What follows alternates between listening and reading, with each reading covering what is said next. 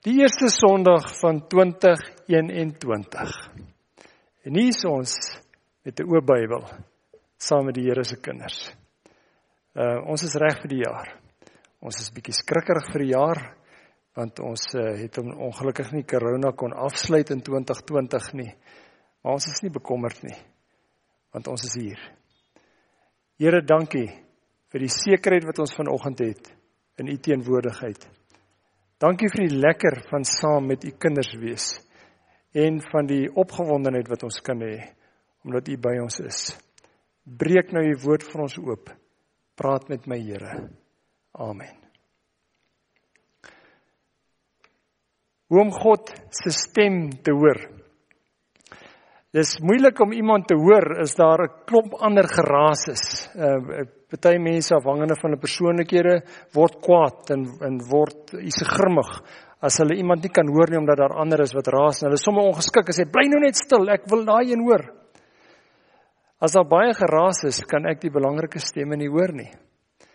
En as daar te veel geraas is, kan ek God se stem nie hoor nie en dit is bietjie van 'n probleem wat God gee vir my baie presiese akkurate aanwysings. Dit is baie belangrik dat ek hom hoor. En die wat raas se stemme het ek eintlik nie nodig nie. En hulle verhoed my om die belangrike te hoor. Kom ons lees daarvan in 1 Samuel 3. Samuel was 'n jong seun, die mooiste verhaal as jy nou lees tot by hoofstuk 3, kan dit sommer net weer lees eenslag.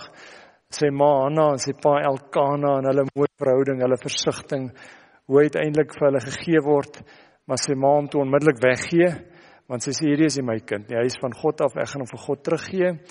En ehm um, en sy na hom kyk vir 'n paar jaar en dit was sy redding geweest en hom toe sommer op 'n jong ouderdom tempel toe vat. En hier kry ons vir Samuel in die tempel saam met Eli en sy twee seuns. Nou Eli se seuns het nie dieselfde verhouding met hom gehad as wat Samuel met sy maale gehad het nie. Eli se twee seuns was Hofni en Pinias twee bedorwe baie baie stout kinders en uh, hulle was priesters gewees in die tempel en het baie baie droog gemaak. En uh, dan hoor ons as die Here die eerste keer met Samuel praat. Hy het lankal nie met hulle gepraat nie en hulle het ook verhoed dat ander mense die Here hoor. 1 Samuel 3 van vers 1 af. Die seun Samuel het die Here gedien onder toesig van Eli. Eli was die hoëpriester, baie baie besondere ou man. Hy het nie goed gedoen met kinders grootmaak nie, maar hy was 'n besondere mens. Baie agting by die volk gehad. Die woord van die Here is in daardie tyd min gehoor. Daar was nie dikwels openbarings nie nou om presies hierdie rede oor weens Hofni en Pinias hulle se se dit wat hulle in die tempel gedoen het. Eli se oë het al swak begin word, hy kon nie meer goed sien nie. En vroeg een môre het Eli nog op sy slaapplek gelê. En die lamp van God het nog helder gebrand, so dit was nog baie donker geweest. Samuel het ook nog gelê in die tempel van die Here waar die ark van God was. En toe roep die Here na Samuel. Samuel het geantwoord: "Ek kom." Hy het na Eli toe gehardloop en gesê: "Hier is ek, want U het my geroep." Maar Eli sê: "Ek het nie geroep nie, gaan lê maar weer. En Samuel het gaan lê. Die Here het weer na Samuel geroep. En hy het opgestaan, na Eli toe gegaan en gesê: "Hier is ek, want U het my geroep." Toe sê Eli: "My seun, ek het nie geroep nie, gaan lê maar weer." Maar Samuel het nog nie die Here geken nie, want die woord van die Here was nog nie voorheen aan hom geopenbaar nie. Die Here het Samuel toe 'n derde keer geroep. En hy het opgestaan en na Eli toe gegaan en gesê: "Hier is ek, want U het my geroep." Toe besef Eli dat die Here die seun geroep het. En Eli sê vir Samuel: "Gaan lê." En as iemand jou weer roep, sê jy: "Praat, Here, u dienaar luister." Samuel het toe gegaan en op sy slaapplek gaan lê. Die Here het gekom en gaan staan en soos die vorige kere geroep: "Samuel, Samuel en Samuel sê praat Here u dienaar luister. Toe sê die Here vir Samuel ek gaan 'n ding in Israel doen wat elkeen wat daarvan hoor se twee ore sal laat uit tot sover. Samuel se woorde praat Here u dienaar luister. Die tempel was 'n belangrike plek in die volk se lewe om God te hoor. God praat op baie plekke met mense. Mense bid gedurig. Hulle het 'n persoonlike verhouding met God. Maar daar was 'n plek waar hulle heen gegaan het waar hulle God op 'n kragtiger, duideliker manier ervaar het. En die tempel was 'n besondere plek geweest waar dit maklik gemaak is om God se stem te hoor. Uh die tempel was 'n uh, was 'n pragtige, pragtige gebou geweest. 'n skoon gebou, groot gebou. As jy inkom, was jy oorweldig geweest deur die grootheid daarvan, die pilare, die skoonheid, hoe blink alles was. En binne in die tempel was daar 'n klomp dinge gewees wat dit vir jou maklik maak om God te beleef. Natuurlik die grootte, die stilte. En dan was daar ook geluide, kore gewees. Leviete wat gesing het, pragtig gesing het. Daar was plekke gewees waar jy kon heen gaan binne die tempel waar jy besondere ervarings met God kon hê. Daar was 'n altaar gewees waar jy 'n offer kon gaan bring. Ehm um, waar jy met God alleen persoonlik kon praat oor jou lewe en jou sonde. En daar was plekke gewees waar jy net sommer kon gaan sit en God se teenwoordigheid beleef. Daar was 'n priester gewees wat God se vergifnis aan jou oorgedra het. En om uit te gaan uit die tempel was 'n uh, jy jy was 'n ander mens. Die mens wat daar ingekom het en iemand uitgaan het was twee heeltemal verskillende mense gewees. Jy was 'n mens gewees vir wie God skielik werklik geword het. En jy het genoeg gehad om 'n hele jaar mee aan te gaan. Meeste mense kon net een keer 'n jaar daai kans kry om in die tempel in te kom, so alleen daarin te gaan, maar daar was ander mense ook gewees. So as jy God nie by die tempel gehoor het nie, was jy baie baie beperk in jou verstaan van God. Dis soos iemand wat heeltyd net met sy eie godsdiens besig is. Hy het nie regtig kontak met ander Christene nie. Hy doen maar sy ding op sy manier. En dit is mooi, jy kan by hom leer, maar dis of hy 'n plafon het of hy as hy iets skeef verstaan, hy dit aanhoudend skeef verstaan. Daar kom nie korreksies op sy siening nie, want al wat hy het is dit wat hy maar verstaan. So hulle het dan teruggegaan en het hulle weer hulle gewone godsdienst maar gedoen, maar die korreksies wat in die tempel gebeur het, was baie belangrik vir die res van hulle geloofslewe gewees. So as jy God nie by die tempel gehoor het nie, het jy gesukkel om hom verder te hoor. Die goed wat jy by die tempel beleef het, het jou gedra. En by die tempel is God nie gehoor nie. Dis nie dat God nie gepraat het nie. Maar daar was geraas geweest. Daar's dinge wat mense verhoed het om God te hoor. En in hulle geval hier was dit spesifiek hierdie twee seuns geweest, Hofni en Pinias. Hulle het eh, wanneer die mense hulle goed moes bring om te offer, het mense vleis gebring of 'n dier gebring en hulle het sekere goed wat hulle moes doen tydens die offer, hulle het die vleis gaar gemaak en dan voordat die mense die vleis gaar maak, hulle kon van die vleis kry na die offer afgehandel is, dit was hulle reg geweest. Maar hulle was nie lus geweest om die oorskiet te kry nie. As die ou daar aankom met sy offer, dan het hulle hom al voorgekeer en hulle het daai lam van hom weggevat met geweld. En daar was 'n bekleierery geweest en uh, en dan moet hierdie ou nou ingaan om te offer. Hy het nie meer sy lam nie en hy het hierdie klomp woede teenoor hierdie twee niks nutte. En dan is daar geen sprake dat hy God eers kan hoor nie. God is gereed om te praat. Die kore als is daar, maar hierdie ou is nie meer reg om God te hoor nie. En mens, God het net glad nie meer gepraat nie. Hierdie twee het nie omgegee nie. Hulle het 'n goeie tyd gehad, als gekry wat hulle wou hê. Ehm um, en dan sê die Here vir Samuel, Samuel, ek wil vir jou sê, ehm um, ek wil jou voorberei vir iets wat jy moet doen en dit is ek kan nie so aangaan nie. Ek kan nie tweede staan in mense se lewens nie. Ek wil voor staan. Ehm um, So Samuel het self nie geweet hoe klink die stem van die Here nie. Hy was jonk geweest, maar dit was ook hierdie atmosfeer geweest wat nie bevorderlik was daarvoor nie. En dan gebeur hierdie ongelooflike mooi verhaal. As Samuel in sy naïwiteit die Here hoor roep en hy ken net een roep en dis die priester Eli wie soveel respek het. En daar was geen sprake gewees dat hy geroep het ek kom later of is nog nie opstaan tyd of iets nie. As Eli hom roep, gaan hy onmiddellik en met respek praat hy met Eli. Heeltemal anders as Eli se eie seuns. Hulle het 'n totale disrespek vir hulle pa gehad. Hierdie seun het respek vir Eli gehad en hy het vir hom gaan sê hier is ek wat u het my geroep. Hy praat met respek. Hy het respek vir Eli. En eh, en Eli het 'n liefde vir hierdie kind en 'n respek ook vir hierdie kind. En Eli net lag en sê my kind, ek sien jy het 'n nagmerrie gehad. Dis nog vroeg, die lamp is nog helder, die son is nog ver van opkom af. My kind, jy werk begin later, jy is gaan slaap. En as Eli vir hom sê gaan slaap, dan gaan slaap hy. En so het die Here hom 'n tweede keer geroep. Hy's weer na Eli toe. Eli sê: "Ekskuus, jy het regtig 'n slegte nagmerrie. Gaan slaap net weer. Dis nog baie tyd. Wees rustig." En die derde keer besef Eli, die Here het hom geroep. En in ons lewens is daar sulke geraas, meer as ooit. Dinge wat ons verhoed om God se stem te hoor. Berigte in die koerante oor die dinge wat ons bekommer, die dinge wat ons onseker maak binne ons land, buite ons land. Dit is dreigende uh, uh, kragtekorte en die ekonomie wat nie reg is nie en die nuwe COVID uh, reëls en dit hou net aan en aan en aan.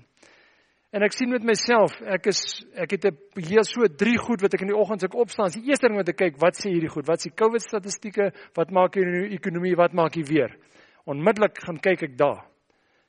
En as ek sien maar die syfer het geweldig gestyg, dan is ek ontstel en ek wonder wat het gebeur. Dan lees ek nog meer om meer uit te vind. Hoekom is dit so? Watter provinsies is dit so? Wat doen mense wat hulle laat COVID kry? Wat doen hulle verkeerd? Ehm um, en onmiddellik keer dit my my gemoed. En onmiddellik verander dit my tyd. En baie keer sien ek maar ek het nou ek het nou Bybellees tyd gehad, maar ek is nou vir 'n halfuur in my Bybellees tyd en wat ek net bietjie rond gelees het, wat gaan aan?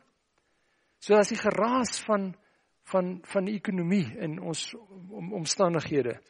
Dan is daar die geraas van mense, mense se kommentaar op die nuus wat my so ontstel. En en en mense wat oor wat 'n stramp uitsprake maak en as ons eie land se mense uitsprake maak en Julius Malema het weer in die parlement een of ander uh uh kaperjolle aangevang dan onmiddellik is dit stemme wat ook in my lewe inkom en wat my tyd vat en wat my gemoed beïnvloed en dan is daar die gewone goed van werk wat ek nie by uitkom nie en mense in my gewone dag wat my ontstel en besigheid wat nie reg uitwerk nie. En so hou dit aan en aan. Heeltyd is daar stemme wat aanspraak maak op my. Met een klein probleempie. Ehm, 'n um, dag het net 24 uur. En dit word slaaptyd en daar's een stem wat vandag nie gehoor is nie. Het daai stem nie gepraat nie. Hy het gepraat. Die Here praat op honderde, duisende maniere aanhoudend, aanhoudend skreeu hy as dit ware. Maar die ander geraas is net so groot, sy stem is stil. Selfs die geraas van ander Christene. Dis skokkend wat se bog Christene kwytraak. Ehm um, mense in in dis of hierdie goed veral in my bedryf waar ek werk met mense se geloofslewe waar absurde geestelike sienings meer as ooit my lewe dikteer. Eers het ek gekies wat wil ek gaan lees, nou word dit op my afgelaai in WhatsApps en goed videoklips wat ek kan kyk oor mense wat die uiteenlopendste snert praat. En dit beïnvloed my. En aan die einde van die dag het daai goed 'n baie groot rol op my persoonlikheid, my gemoed en my geloofslewe. God se stem is stil. Die plek waar God se stem belangrik gehoor moet word, is in sy tempel in ons opset waar God se kinders saam is in die kerk. Nou die kerk is nie 'n gebou nie, 'n kerk weet ons is die gelowiges waar hulle ook al is. En gelowiges se stem word stil. Dis die werklikheid. Uh bloot die tyd, die manier al hierdie aansprake op ons veroorsaak dat mense fisies nie kerk toe kom nie. Ons praat nou nog nie eens van COVID nie. Mense gaan al hoe minder kerk toe. Oral wêreldwyd, uh nie net by ons nie. Ehm um, Mense het uh, het al hoe minder kontak met ander Christene. Uh God se stem word al hoe stiller. Die sleutel is om die tempel weer reg te kry. En in Eli se geval was dit so gewees. Die Here het vir Samuel gesê: "Samuel, hierdie mense is so korrup. Ek gaan hulle nie eens probeer bekeer of regkry nie. Ek gaan net van hulle ontslaa raak." En hierdie twee seuns gaan sterf en dis wat die Here vir, vir vir Samuel gesê het, hierdie geweldige ding. Hierdie twee seuns gaan sterf. Weet jy wat? Eli gaan ook sterf. Ehm um, ek kan nie met Eli aangaan nie. Eli is 'n wonderlike mens wat baie goed gedoen het, maar hoe ouer hy word, hoe slegter het hy geword. En uh as Eli nie hierdie goed gekeer kry nie, moet hy eenkant toe staan. Kan ek nie met hom aangaan nie. En die Here doen 'n geweldig drastiese ding as hy wegdoen met die mense wat in die tempel nie die regte dinge gedoen het nie. En dis vir ons wesentlik ook waar, want die plek waar mense God weer moet hoor is vanuit die tempel, vanuit die kerk, vanuit Christene se kontak met God. So vir ons in die nuwe jaar om God se stem te hoor is krities. Ons kan nie aangaan soos die wêreld nie. Ons kan nie op hulle manier vermaak word in in die die die motivering op hulle manier kry nie. Ons kry dit van 'n hele ander bron af wat ons heeltemal anders laat lewe, ons heeltemal anders laat op.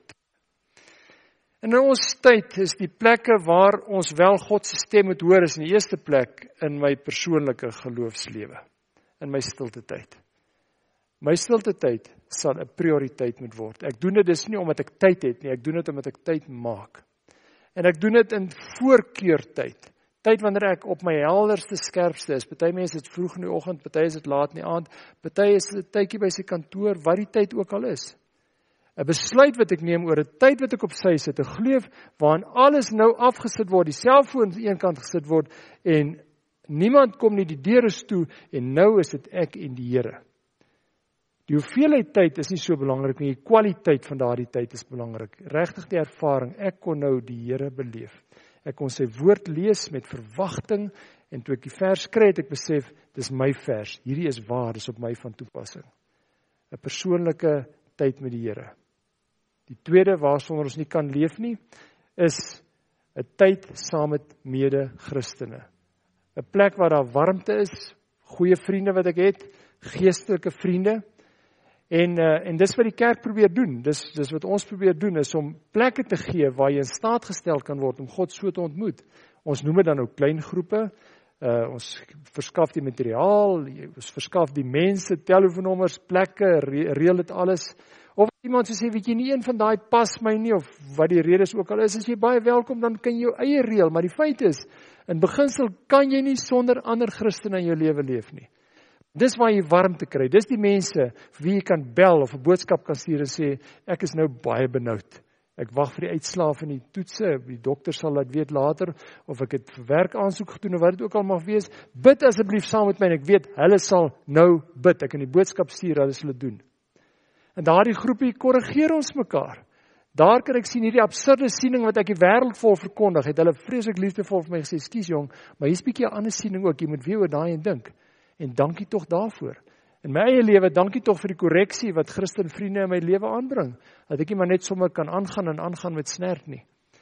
Ehm um, so daar's warmte, daar's korreksie, dis mense naby my. Sonder hulle gaan jy nie kan leef nie. Jy gaan die Here se stem nie hoor nie. Ander plekke waar ons die Here se stem hoor is deur plekke waar ons onsself in oopstel vir ins, insette, nuwe insig, wysheid, kennis, mag iets wees wat ons lees, iets wat ek saam met ander mense lees, met hulle kontroleer.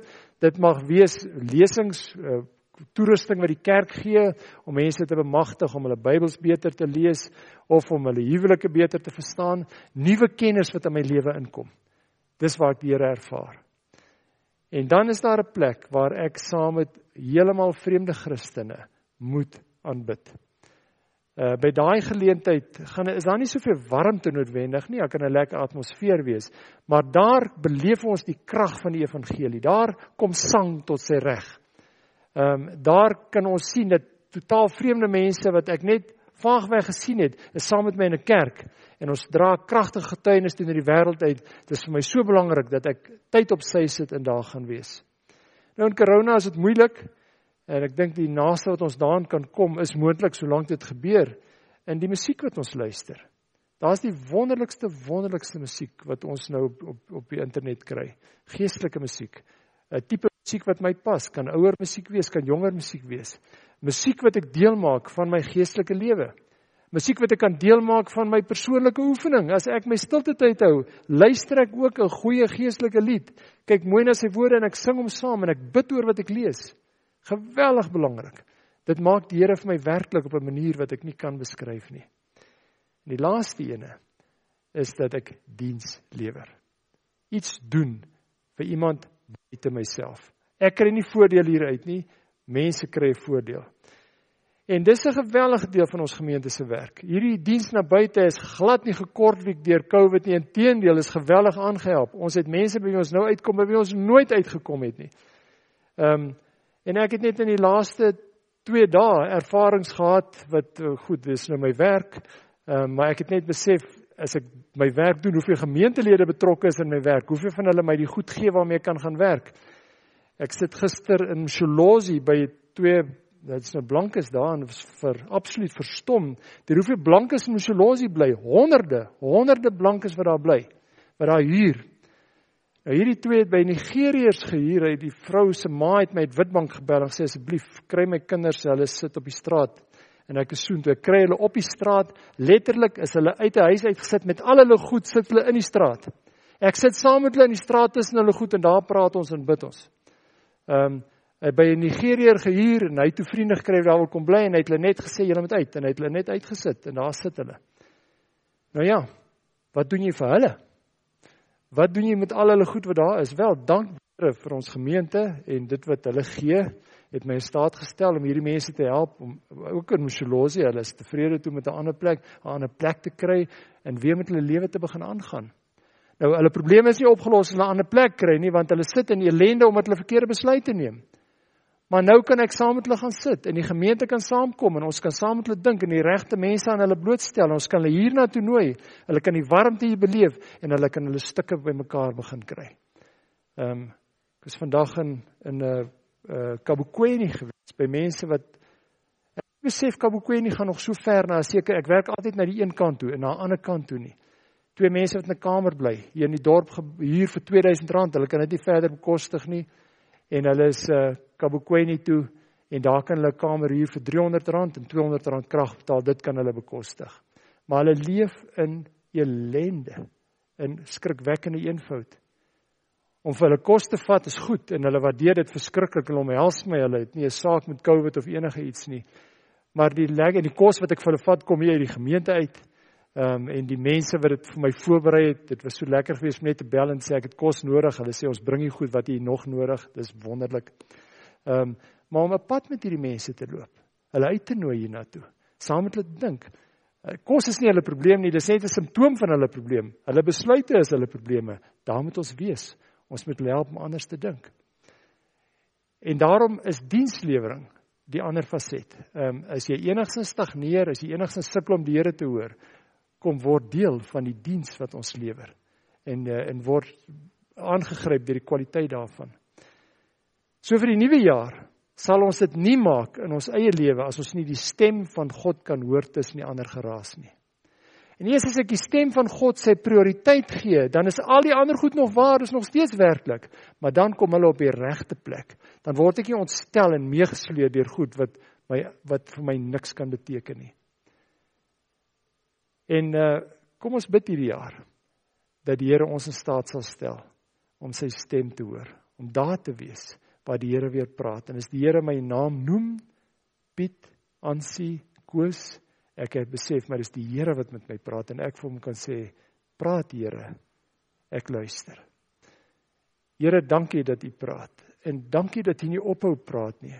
Soveel keer wat ek U nie hoor nie, soveel keer wat ek dalk my rug op U keer ehm um, onwetend en u nooit nooit nooit lig geraak is en sê wel ek het my deel gedoen. Ek kom nie weer terug nie. U kom terug. Ons het soveel gemis vir die kere wat ons dit nie kon hoor nie. En ek bid dat u met elkeen van ons duidelik sal praat en ons u stem op 'n manier sal hoor dat ons opgewonde sal wees en u stem sal deel met ander mense. U het ons geroep om 'n verskil te maak en dis lekker om dit te doen. Is 'n voorreg om so deel van die koninkryk te wees. Help ons Here om U duidelik te hoor. Ons bid dit in Jesus se naam. Amen. Mag jy besluite neem wat jou help om die Here duidelik te hoor. Sterkte vir julle week.